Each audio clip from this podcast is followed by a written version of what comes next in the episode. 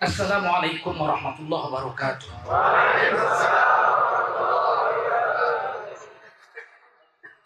Hamdan wa syukran lillah. Wa salatan wa salaman ala rasulillah. Wa ala alihi wa sahbihi wa mawalah. Allahumma salli wa sallim ala hadha nabiyil karim.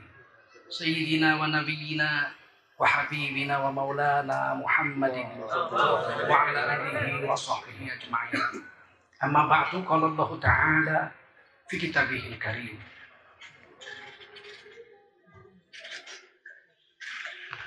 أعوذ بالله من الشيطان الرجيم.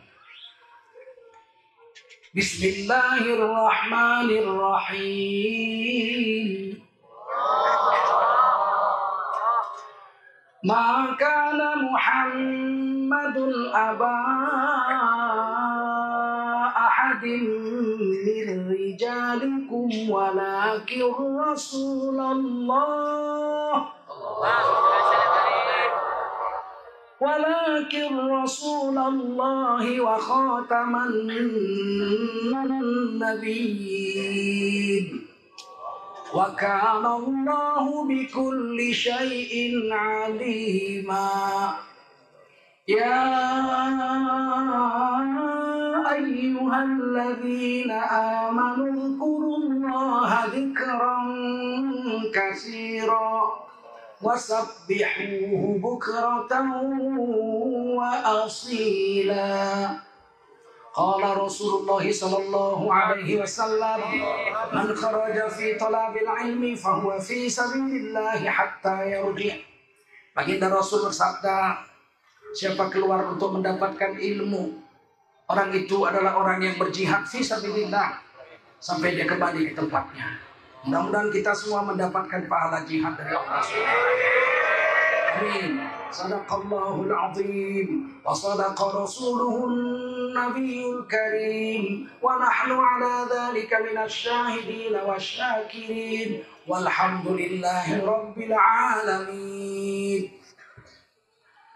Para habaib kita beruntung malam hari ini. Karena di Medan kita tidak mendapatkan banyak zuriat atau keturunan daripada baginda Rasulullah SAW. Tapi malam hari ini kita mendapatkan anugerah besar.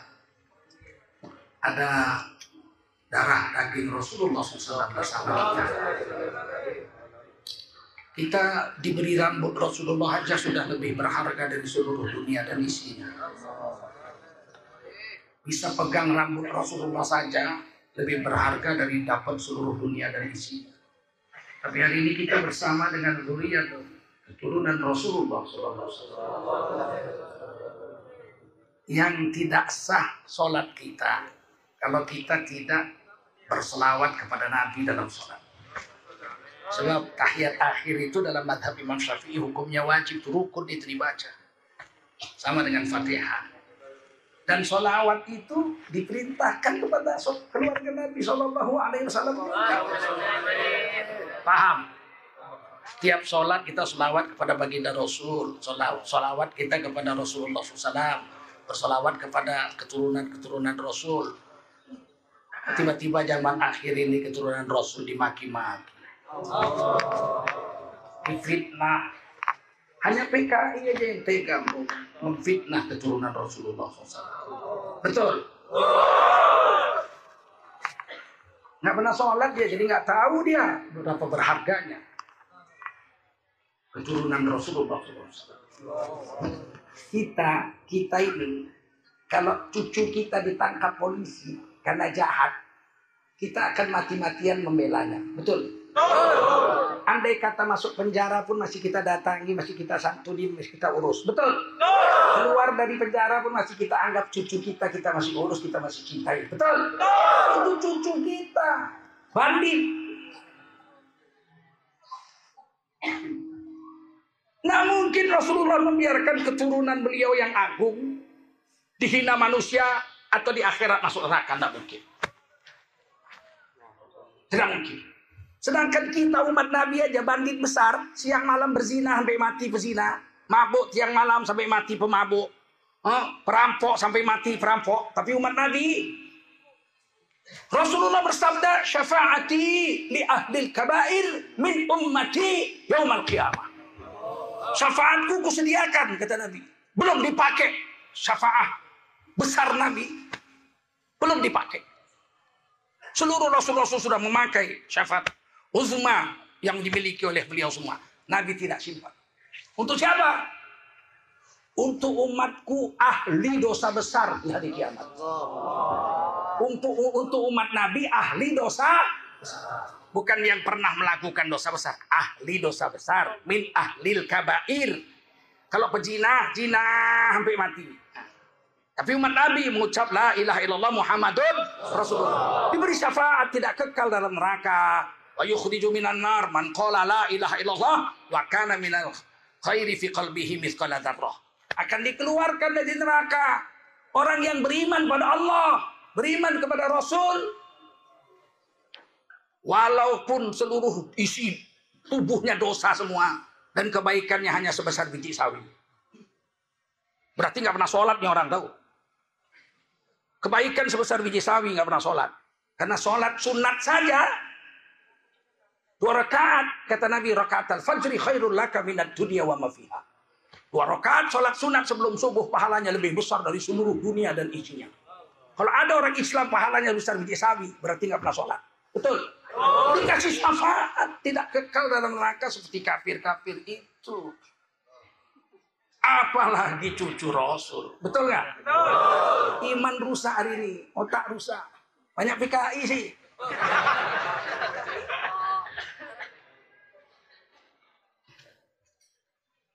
Wajiblah kita bersyukur pada Allah taala. Salawat dan salam kita sampaikan untuk baginda Rasulullah Ada para ulama di sini yang hadir bersama kita. Ulama-ulama ini nanti di hari kiamat diberikan oleh Allah kesempatan untuk memberi syafaat kepada murid-muridnya. Karena para ulama ini warasatul anbiya, pewarisnya Rasulullah. Ulama itu pewaris para rasul. Jangan anggap enteng dengan mereka. Mereka mungkin tidak peduli mau dicaci, mau dihina, mau dipenjara, nggak ada masalah. Tapi orang yang menzalimi ulama berat akhirat nanti dihadapi Allah. Kalau soal dipenjara Imam Hanafi pernah dipenjara dicambui. Imam Syafi'i pun pernah dipenjara. Imam Hambali pun pernah dipenjara. Nah, biasa saja kalau dipenjara. Ulama. Asalkan ulama itu dipenjara karena membela agama. Betul.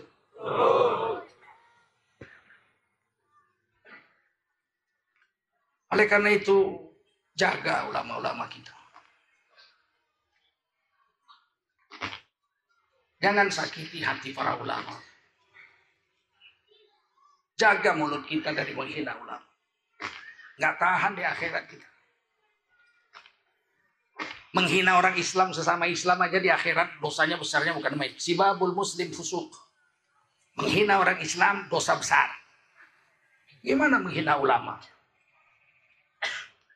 Bagaimana menghina orang-orang ahli Quran? Ahlul Quran, ahlullah. Ahli Quran itu keluarga Allah, kata Nabi. Kalau saya dihina orang mungkin saya tidak marah. Buat apa marah?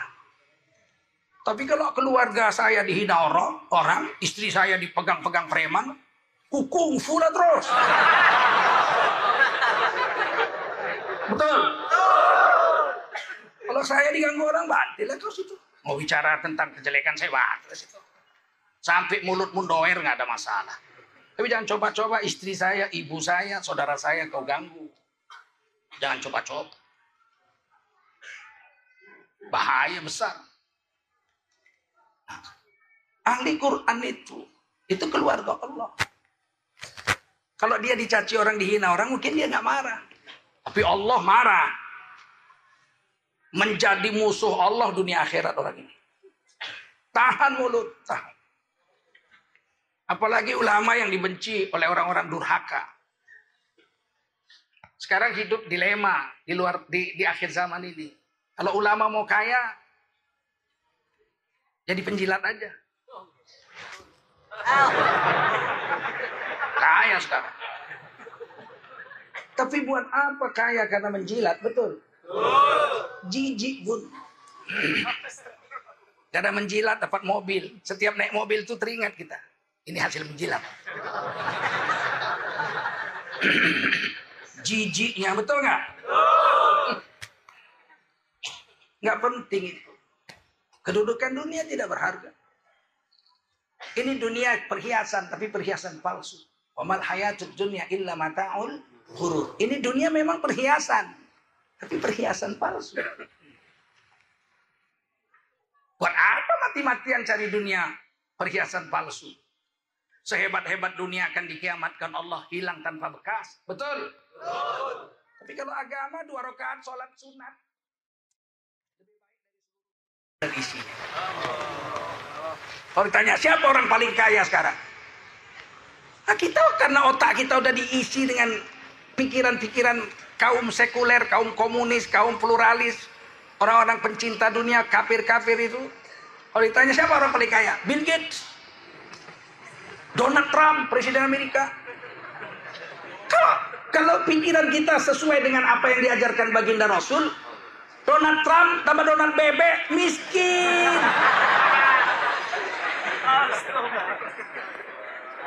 Siapa orang kaya? Kata Nabi, orang Islam yang bisa sholat sunat dua rakaat sebelum subuh, dia dapat khairul laka minat dunia wa ma fiha. Lebih baik dari seluruh dunia dan isi-isinya. Bayangin. Itu belum sholat wajib. Baru sholat sunat. Sholat wajib. Tidak. Belum ketemu saya hadis yang mengatakan berapa besar pahala sholat wajib. Belum ketemu. Saking besarnya nggak diceritakan sama Nabi. Kalau sholat sunat ya lebih baik dari seluruh dunia dan isinya. Betul. Sholat wajib berapa besar? Tidak tahu. Puasa wajib satu hari. Hanya Allah yang tahu. Allah yang bayar. Betul? Tidak ada yang tahu. Gimana orang beriman sholat sunat aja dapat seluruh dunia dan isinya? Dua rakaat. Apalagi sholat wajib. Tapi kita nggak paham hari ini apa yang diajarkan Nabi. Kita pikir orang kaya itu hebat. Jadi pejabat itu hebat. Fir'aun pejabat juga seumur hidup, betul? Lahir jadi pangeran, besar jadi raja, betul? Mulia dia? Hina. Karena dua aja salahnya. Pertama nggak beriman sama Allah, kedua nggak beriman sama nabimu. Hina dunia akhirat. Dunia dia jadi raja tapi hina. Matinya di Laut Merah. Tenggelam. Dimakan ikan, sompel sedikit kupingnya, dibuang sama ikan. Pahit, nggak enak. Dia tahu tuh.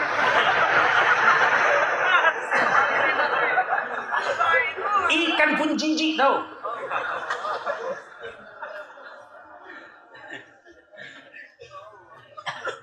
Di dunia tidak ada satu orang pun yang kepingin punya anak. Seperti Firaun. Ada ibu-ibu hamil, ibu hamil bu, uh -uh, udah berapa bulan? Sembilan bulan. Masya Allah, sebentar lagi lahiran. Uh -uh, kata dokter udah di scan laki-laki. Siapa namanya? Biar hebat namanya Fir'aun. Bocor mamanya itu. Paham? Walaupun Fir'aun raja, duitnya banyak, seumur hidup jadi raja, orang Mesir menyembahnya sebagai Tuhan. Dia mengaku Tuhan, orang Mesir bodoh-bodoh nyembah dia sebagai Tuhan. Tapi dia hina dunia akhirat. Buktinya dia hina, gak ada orang mau dipanggil Fir. Wah ada ini upacara nasional, tiba-tiba protokolnya bilang, hadirin sekalian, Berikut ini adalah kata sambutan dan pengarahan dari Fir'aun Republik Indonesia. Orang yang ditangkap. Betul? Oleh karena itu, yakinlah kemuliaan ada dalam agama. Dalam? Dalam? Apabila kita beriman kepada Allah, Rasul, sebanyak apa pun dosa kita, satu hari Allah akan perintahkan Nabi memberi syafaat kepada kita. Betul? Ah, ini hebatnya iman. Dan iman ini dibawa sampai hari kiamat. Iman ini akan dibawa mati sampai hari kiamat. Tidak usah khawatir. Kalau ada iman, jangan murtad sampai mati. Siap? Yakin dengan Allah siap. Yakin dengan baginda Rasul siap. Sunnah Nabi satu aja dibikin aman hidup kita tahu. Jangan main-main. Masuk WC aja. Kalau masuk WC pakai sunnah Rasul,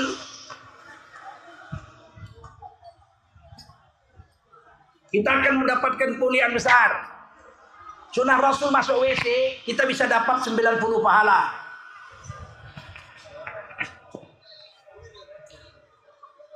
Satu hasanah diberi Allah satu gerak.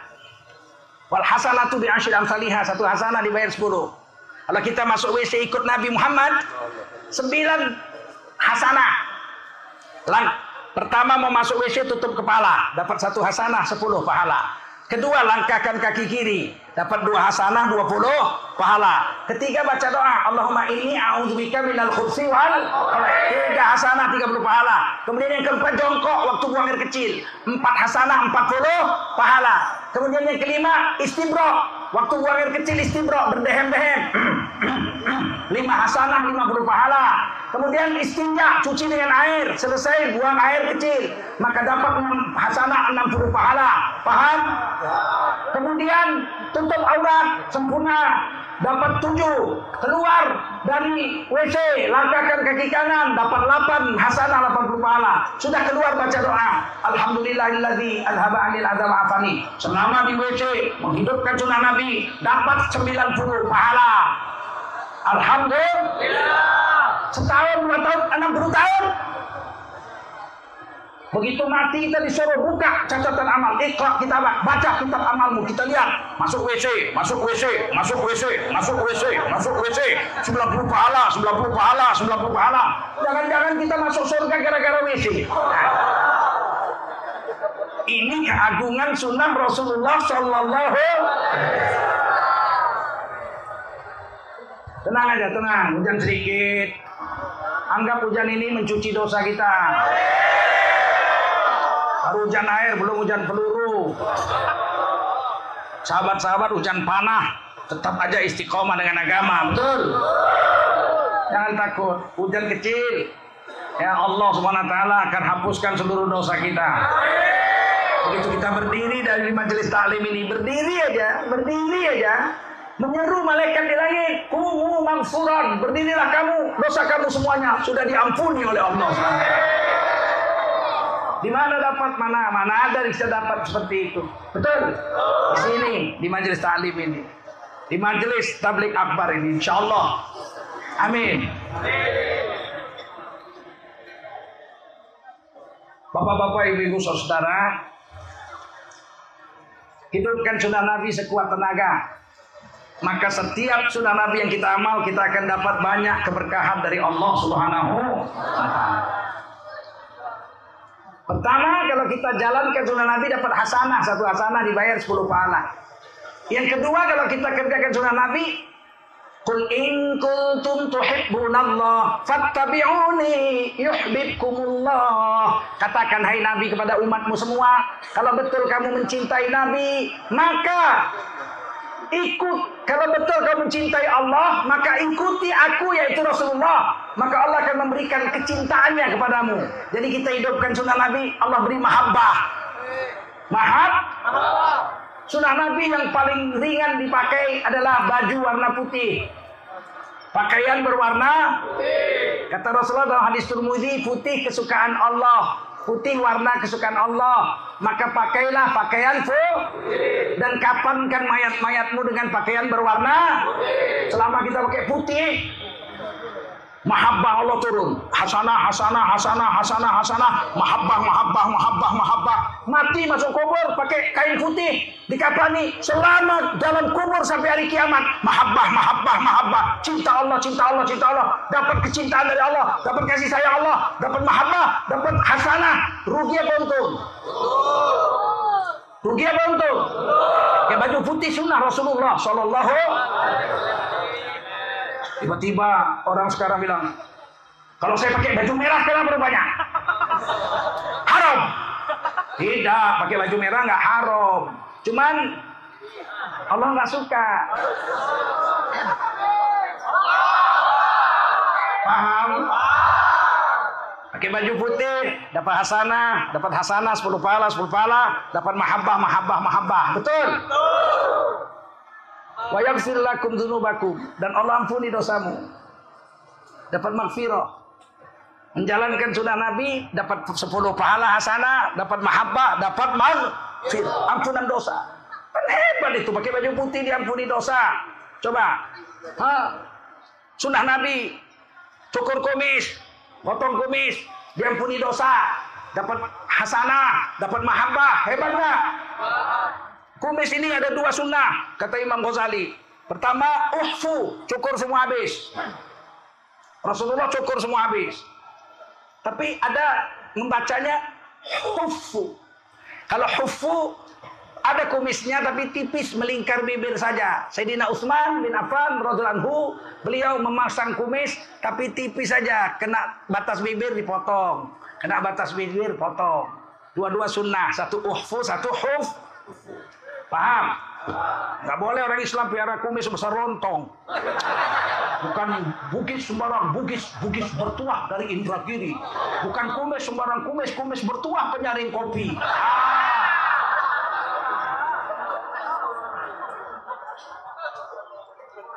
Alangkah indahnya sunnah Rasulullah Sallallahu Alaihi Wasallam. Dapat hasanah, dapat mahabbah, dapat mag. Kemudian apa? Wallahu ghafurur rahim. Mendapat rahmat dari Allah Subhanahu Waduh, pakai baju putih, dapat pahala hasanah, dapat mahabbah, dapat maghfirah, dapat rah. Asal sunnah Nabi lah. Asal sunnah Nabi ya. Kalau tahu itu sunnah Nabi kerjakan. Dapat hasanah, dapat mahabbah, dapat maghfirah, dapat rahmat. Alangkah ruginya orang tahu sunnah Nabi dia nggak buat. Alangkah ruginya orang yang tahu sunnah Nabi tapi dia tidak bu. Paham? Ah, saya ingin pesan yang terakhir ini yang paling penting. Kalau jumpa turunan Rasul, sayangi cium tangannya. Walaupun muda nggak apa-apa. Kenapa? Karena beliau itu keturunan Rasul. Kalau kita cium tangan beliau kan nyambung, nyambung, nyambung sampai ke Rasul. Betul? Kalau tangan saya kalian cium, saya anak Cina. Hanya. Anak sini. Umi sini. Ibu saya orang Cina. Bapak saya tengku, betul. Nggak ada urusan darah dengan Rasulullah. Jauh. Jauh. Beruntung dapat Islam. Ibu saya sendiri yang Islam. Kakek saya, nenek moyang saya, paman-paman saya nggak ada yang Islam. Betapa beruntungnya. Beliau-beliau ini turun terus sampai ke atas sana ketemu dengan Rasulullah. Telah dicek DNA. Sekarang ada ilmunya DNA. Ada dua manusia yang banyak menurunkan keturunan di dunia ini. Yang pertama ada sekitar 2 juta orang keturunannya. Siapa orang punya anak cucu 2 juta orang? Tersebar di seluruh dunia. Dua per tiga dunia ada. Dicari-cari-cari, ternyata yang pertama adalah Genghis Khan. Raja Mongol. Menaklukkan dua per tiga dunia. Asal ditaklukkannya kerajaan dijinahinya istri-istri raja itu semua. Punya anak, 2 juta keturunannya sekarang. Dengan cara-cara yang haram. Ada satu lagi orang punya keturunan jutaan tersebar di seluruh dunia. Dicari-cari DNA-nya, ini siapa ini? Satu keturunan. Rupanya para habaib dan para masuk kita keturunan Rasulullah Sallallahu Alaihi Wasallam. Di mana-mana, di Mesir ada, di Jordan banyak masuk. Tapi yang anehnya kita ini negeri Indonesia yang dulu di zaman Rasulullah disebut Hindi, India ini disebut. Nabi Adam alaihissalam bilang unzila bil Hindi. Nabi Adam alaihissalam karena Adam unzila bil Hindi turun di India. Di sini, ini di negeri ini. Ini negeri India ini. India itu dari Afghanistan sampai Filipina, India semua. Benua in, lautnya juga disebut samudra in Indian Ocean. Dulu masih bersatu ini Kalimantan, Sumatera, dengan Jawa, dengan Asia masih ber, bersatu. Bahkan kemungkinan Nabi Adam alaihissalam turunnya di sini, di Sumatera. Unsila bil Hindi turun di India. Tapak kakinya ada di tapak tuan sana. Di iklan pinggir laut lihat 7 meter lebih. Tapak kakinya aja. Di pantai itu di batu karang tuh, tapak kaki. 7 meter lebih. Saya sampai sana dibilang orang sana ini tapak tuan tapak. Bertapa di atas gunung, menyelamatkan putri karena diculik naga. Gondolmu.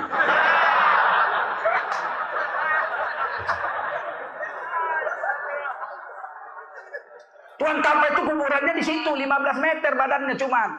Kalau badannya 15 meter, tapak kakinya 7 meter, berapa besar kakinya?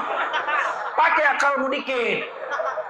Nabi Adam itu dadanya 60 hasta. Berapa? 60 hasta dadanya. Baginda Nabi Adam alaihissalam. Berarti saya satu hasta dada saya. Tingginya 175 cm. Saya. Kalau Nabi Adam 60, berarti 60 kali 175. Berapa tingginya Nabi Adam AS? Wajar kalau kakinya 7 meter. Paham?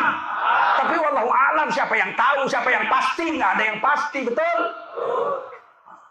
Dan ini negeri sudah terkenal sejak zaman Nabi Ibrahim pun. Di dalam kitab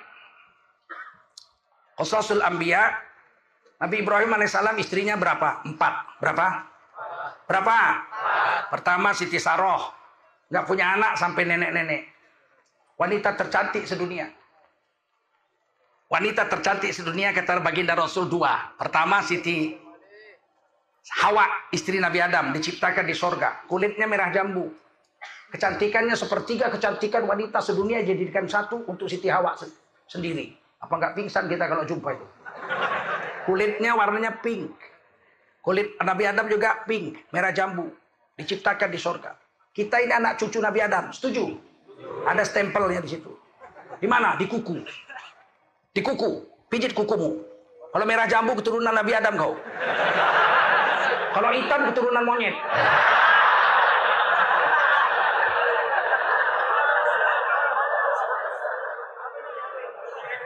Yang kedua, Siti Hajar. Siti Hajar orang Kipti, orang Mesir. Punya anak.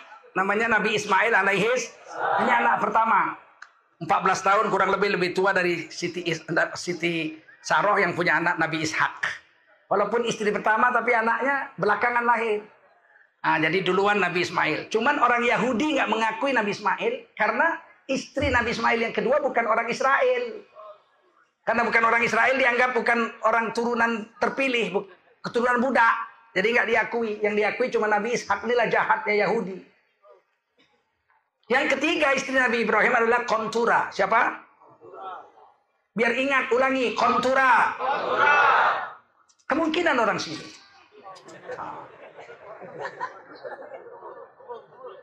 Jadi kontura itu kalau kita lihat sejarah lama, Vietnam sekarang, tahu Vietnam? Yang yang dihajar sama Rembo. Vietnam sekarang itu dulu itu dikuasai oleh orang-orang suku Campa.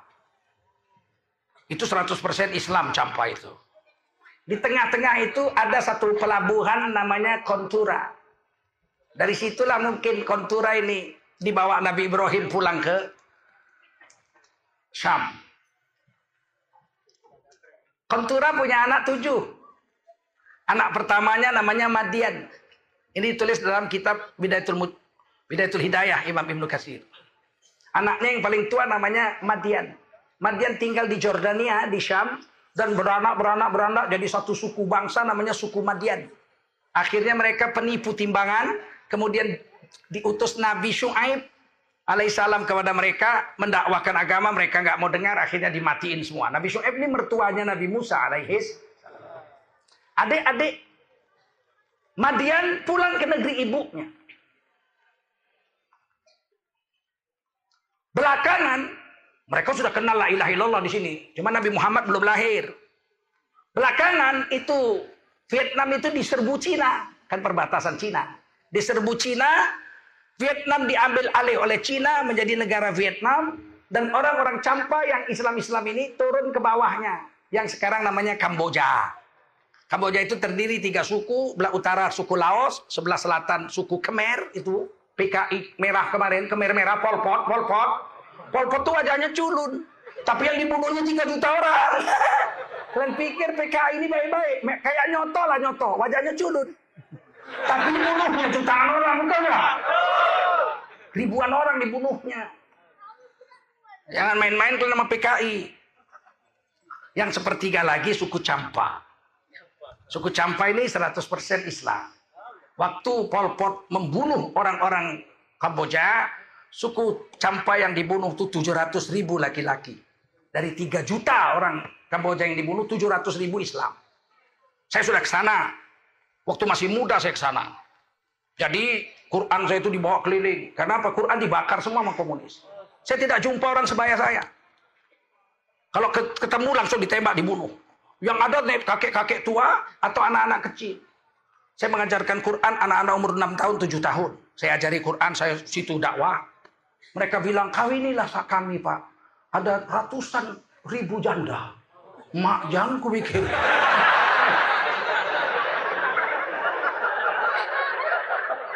Aku nggak berani, aku bilang.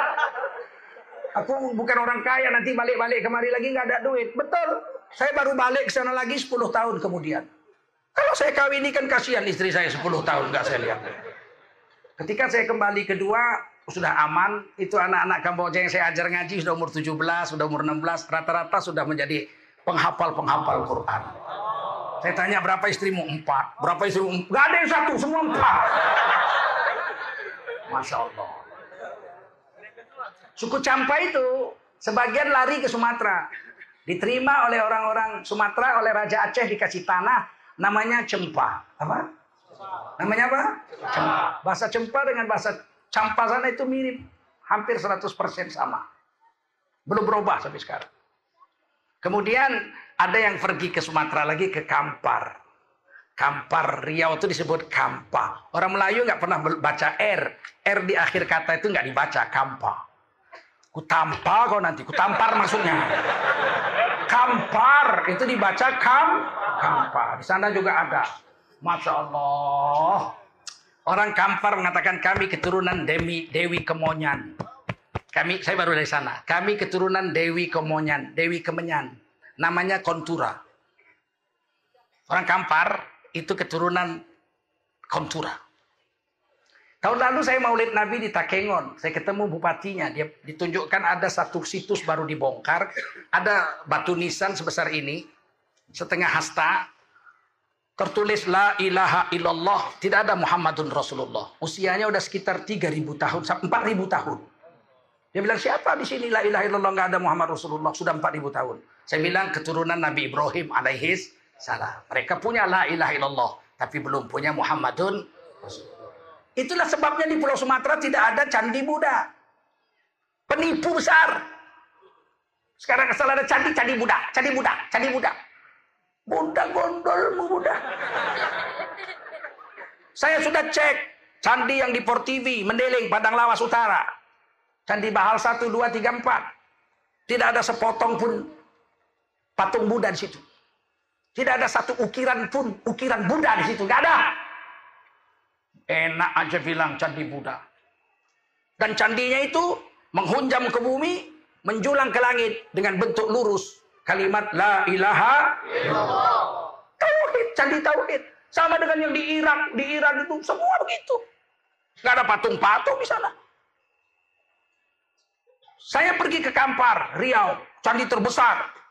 Katanya candi Buddha. Gak ada, sepotong pun. Patung Buddha gak ada situ. Ternyata batunya tertulis bukan tulisan Palawa yang biasa dipakai orang Buddha, bukan tulisan Sanskerta yang dipakai oleh orang-orang Hindu, tapi tulisannya adalah tulisan Aramaik, tulisan yang dipakai oleh baginda Nabi Ibrahim alaihi salam. Lam ha lam alif 152 wow ha lam alif hamzah ya. Mana ada huruf Palawa situ?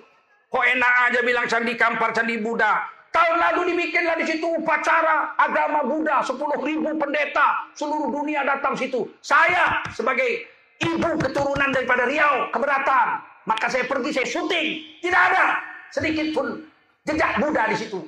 Enak aja mau na motong, namanya orang Medan bilang nyalip di tekongan, ya enggak? Nyalip di tekongan itu candi tauhid, la ilaha, keturunan Dewi Kemenyan. Anak Istri daripada Nabi Ibrahim Kontura. Sampai ke Jambi saya lihat di Muara Jambi tidak ada patung sepotong pun patung Buddha di situ kok berani bilang Buddha. Di Jawa ada patung Buddha di Candi Borobudur. 99 patung Buddha di situ. Wajar dibilang itu Candi Buddha. Ada candi Hindu dan ada sisa-sisanya. Bahwa Jawa pernah dikuasai Hindu ada sisa-sisanya. Ada satu kampung besar namanya Tengger, masih agamanya masih Hindu ada uh, namanya itu yang di atas bukit dingin itu.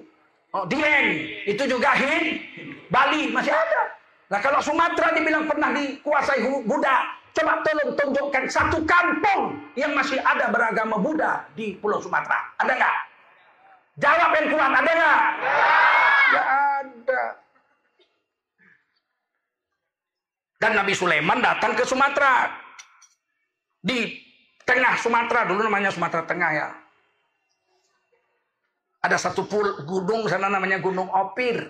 Dan Nabi Sulaiman mengambil 400 peti emas dari pegunungan Opir. Dekat Pasaman. Itulah sebabnya diceritakan bahwa Ratu Sabak, istri Nabi Sulaiman, Balkis.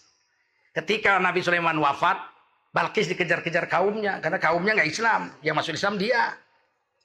Maka dia lari ke Sumatera. Queen of Siba, Raja Sabah. Makanya itu candi-candinya la ilaha Tidak ada di situ Buddha. Maka saudara-saudara, anak-anak muda sekalian, jangan kalian cepat menyerah. Hari ini pemuka PDIP namanya Ahmad Basarah sudah mengatakan buat apa dibaca buku sejarah Muhammad Al-Fatih. Itu kan tokoh asing. Lebih baik baca tokoh-tokoh Nusantara saja. Tokoh nasional Indonesia. Muhammad Al-Fatih II itu tokoh Islam dunia, betul. Beliau disebut Rasul dalam satu hadis yang akan merebut Konstantinopel menjadi kota Islam. Paham? Baginda Rasul menyebut namanya. Muhammad Al-Fatih itu pemuda yang soleh. Diambil itu Konstantin diganti menjadi namanya Istanbul. Paham? Itu tokoh dunia. Sultan Salahuddin Al-Ayubi. Itu bukan tokoh. Arab sana bukan orang Turki sana. Kur Kurdi bukan. Beliau tokoh Islam tingkat dunia. Muhammad Al-Fatih tokoh asing atau tokoh Islam tingkat dunia? Enggak beraninya itu tokoh PDIP bilang. Muhammad Al-Fatih tokoh asing. Nanti lama-lama Umar bin Khattab tokoh asing. Arab? Arab, betul nggak? Jadilah Islam, jangan jadi Arab. Kan sudah dibilang tuh kan?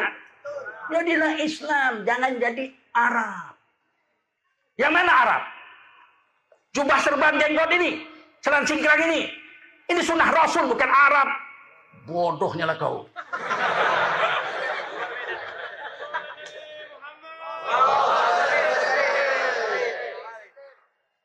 Ada di Quran, hadis apalagi. Kalau hadis sudah jelas. Karena ahabu thiyab ila Rasulillahi sallallahu alaihi al-qamis. Pakaian yang paling dicintai Rasul adalah ju gamis. Gamis. Orang Yaman menyebutnya gamis. Orang Quraisy menyebutnya komis. Ya biasalah dialek. Ma'akdiru, maqadir. Orang Yaman bilang magadir. Ya begitulah. Asakov, asegaf. Biasa. Ugama. Ya, iqamah, iqamah, kawama, iqamah, iqamah jadi ugama. Biasa. Ini jubah serban, sunnah Nabi di Quran ditulis. Ya Bani Adam, qad anzalna alaikum libasa. Wahai anak cucu Adam yang laki-laki, Sungguh kami telah turunkan kepadamu beberapa jenis pakaian. Bukan satu. Yang pertama yuwari sawatikum. Sekedar tutup aurat saja. Pakai celana jojon. Tahu jojon? Pelawak itu. Kawan murid saya tuh. Jojon Cahyono tuh ngaji dengan saya. Jojon itu orang alim tamatan pesantren Tasikmalaya itu. Walaupun dia melawak-melawak, nggak pernah nampak aurat. Dia tahu mazhab syafi'i aurat itu lutut sampai pu dia pakai celana Jordan ketutup dengkulnya tahu. Sama dengan kiper Uni Soviet dulu. Waktu zaman Julius Rimet sebelum Piala Dunia. Kiper terhebat sedunia namanya Lev Yasin. Dari Rusia.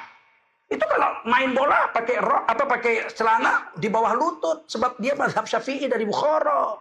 Kampungnya Imam Bukhari. Nggak boleh nampak paha. Agama dibawa walaupun main bola.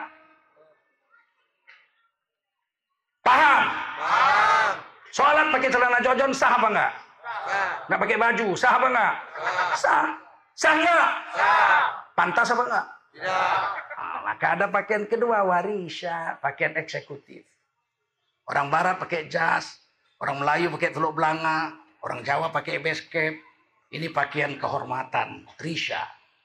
Raja-raja Melayu, Malaysia, Brunei, Riau masih pakai teluk belanga kalau sholat Jumat. Pakaian terhormat. Baru yang ketiga walibasut takwa, pakaian takwa. Ini yang paling baik dari khair. Ini pakaian takwa.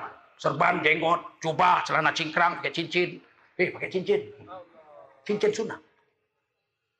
Baca dalam kitab Majmu' Imam Nawawi. Nah kalau saya pakaian begini, kata Allah ini pakaian terbaik. Boleh diuji. Nanti bubar dari sini pergi ke diskotik pakaian begini coba. Jam satu malam, Assalamualaikum. Kalau nggak loncat semua yang di dalam. Berarti ini pakaian sunnah, betul? Tidak bisa campur dengan maksiat, betul? Tiba-tiba dibilang Arab. Yang paling benci kita dibilangnya kadrun. Pakaian kadal gurun, kadrun. Perempuan pakai cadar, Al-Azab 59. Perempuan pakai kerudung, An-Nur 31. Itu bagian Arab. Ke Arab-Araban. Giliran kampanye, pakai kerudung dia. Loh, Ibu Haja kok pakai kerudung? Ini kan ke Arab-Araban. Oh, kalau saya yang pakai itu berarti ke pemilu-pemiluan.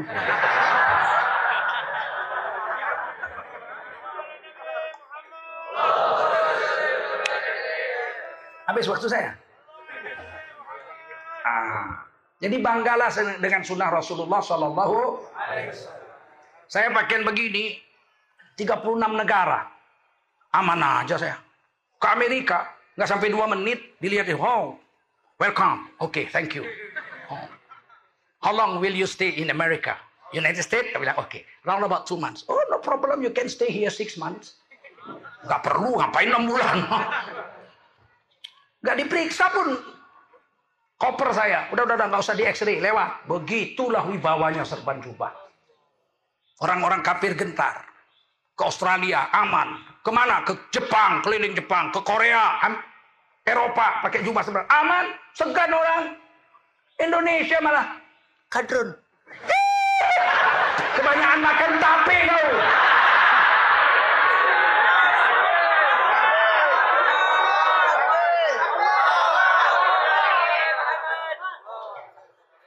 Luar negeri hormat dengan sunnah Nabi. Kafir mereka.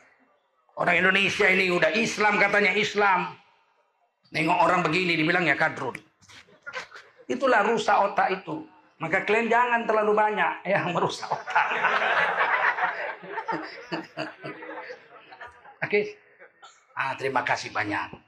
Tetaplah istiqomah dengan sunnah Rasul. Siap?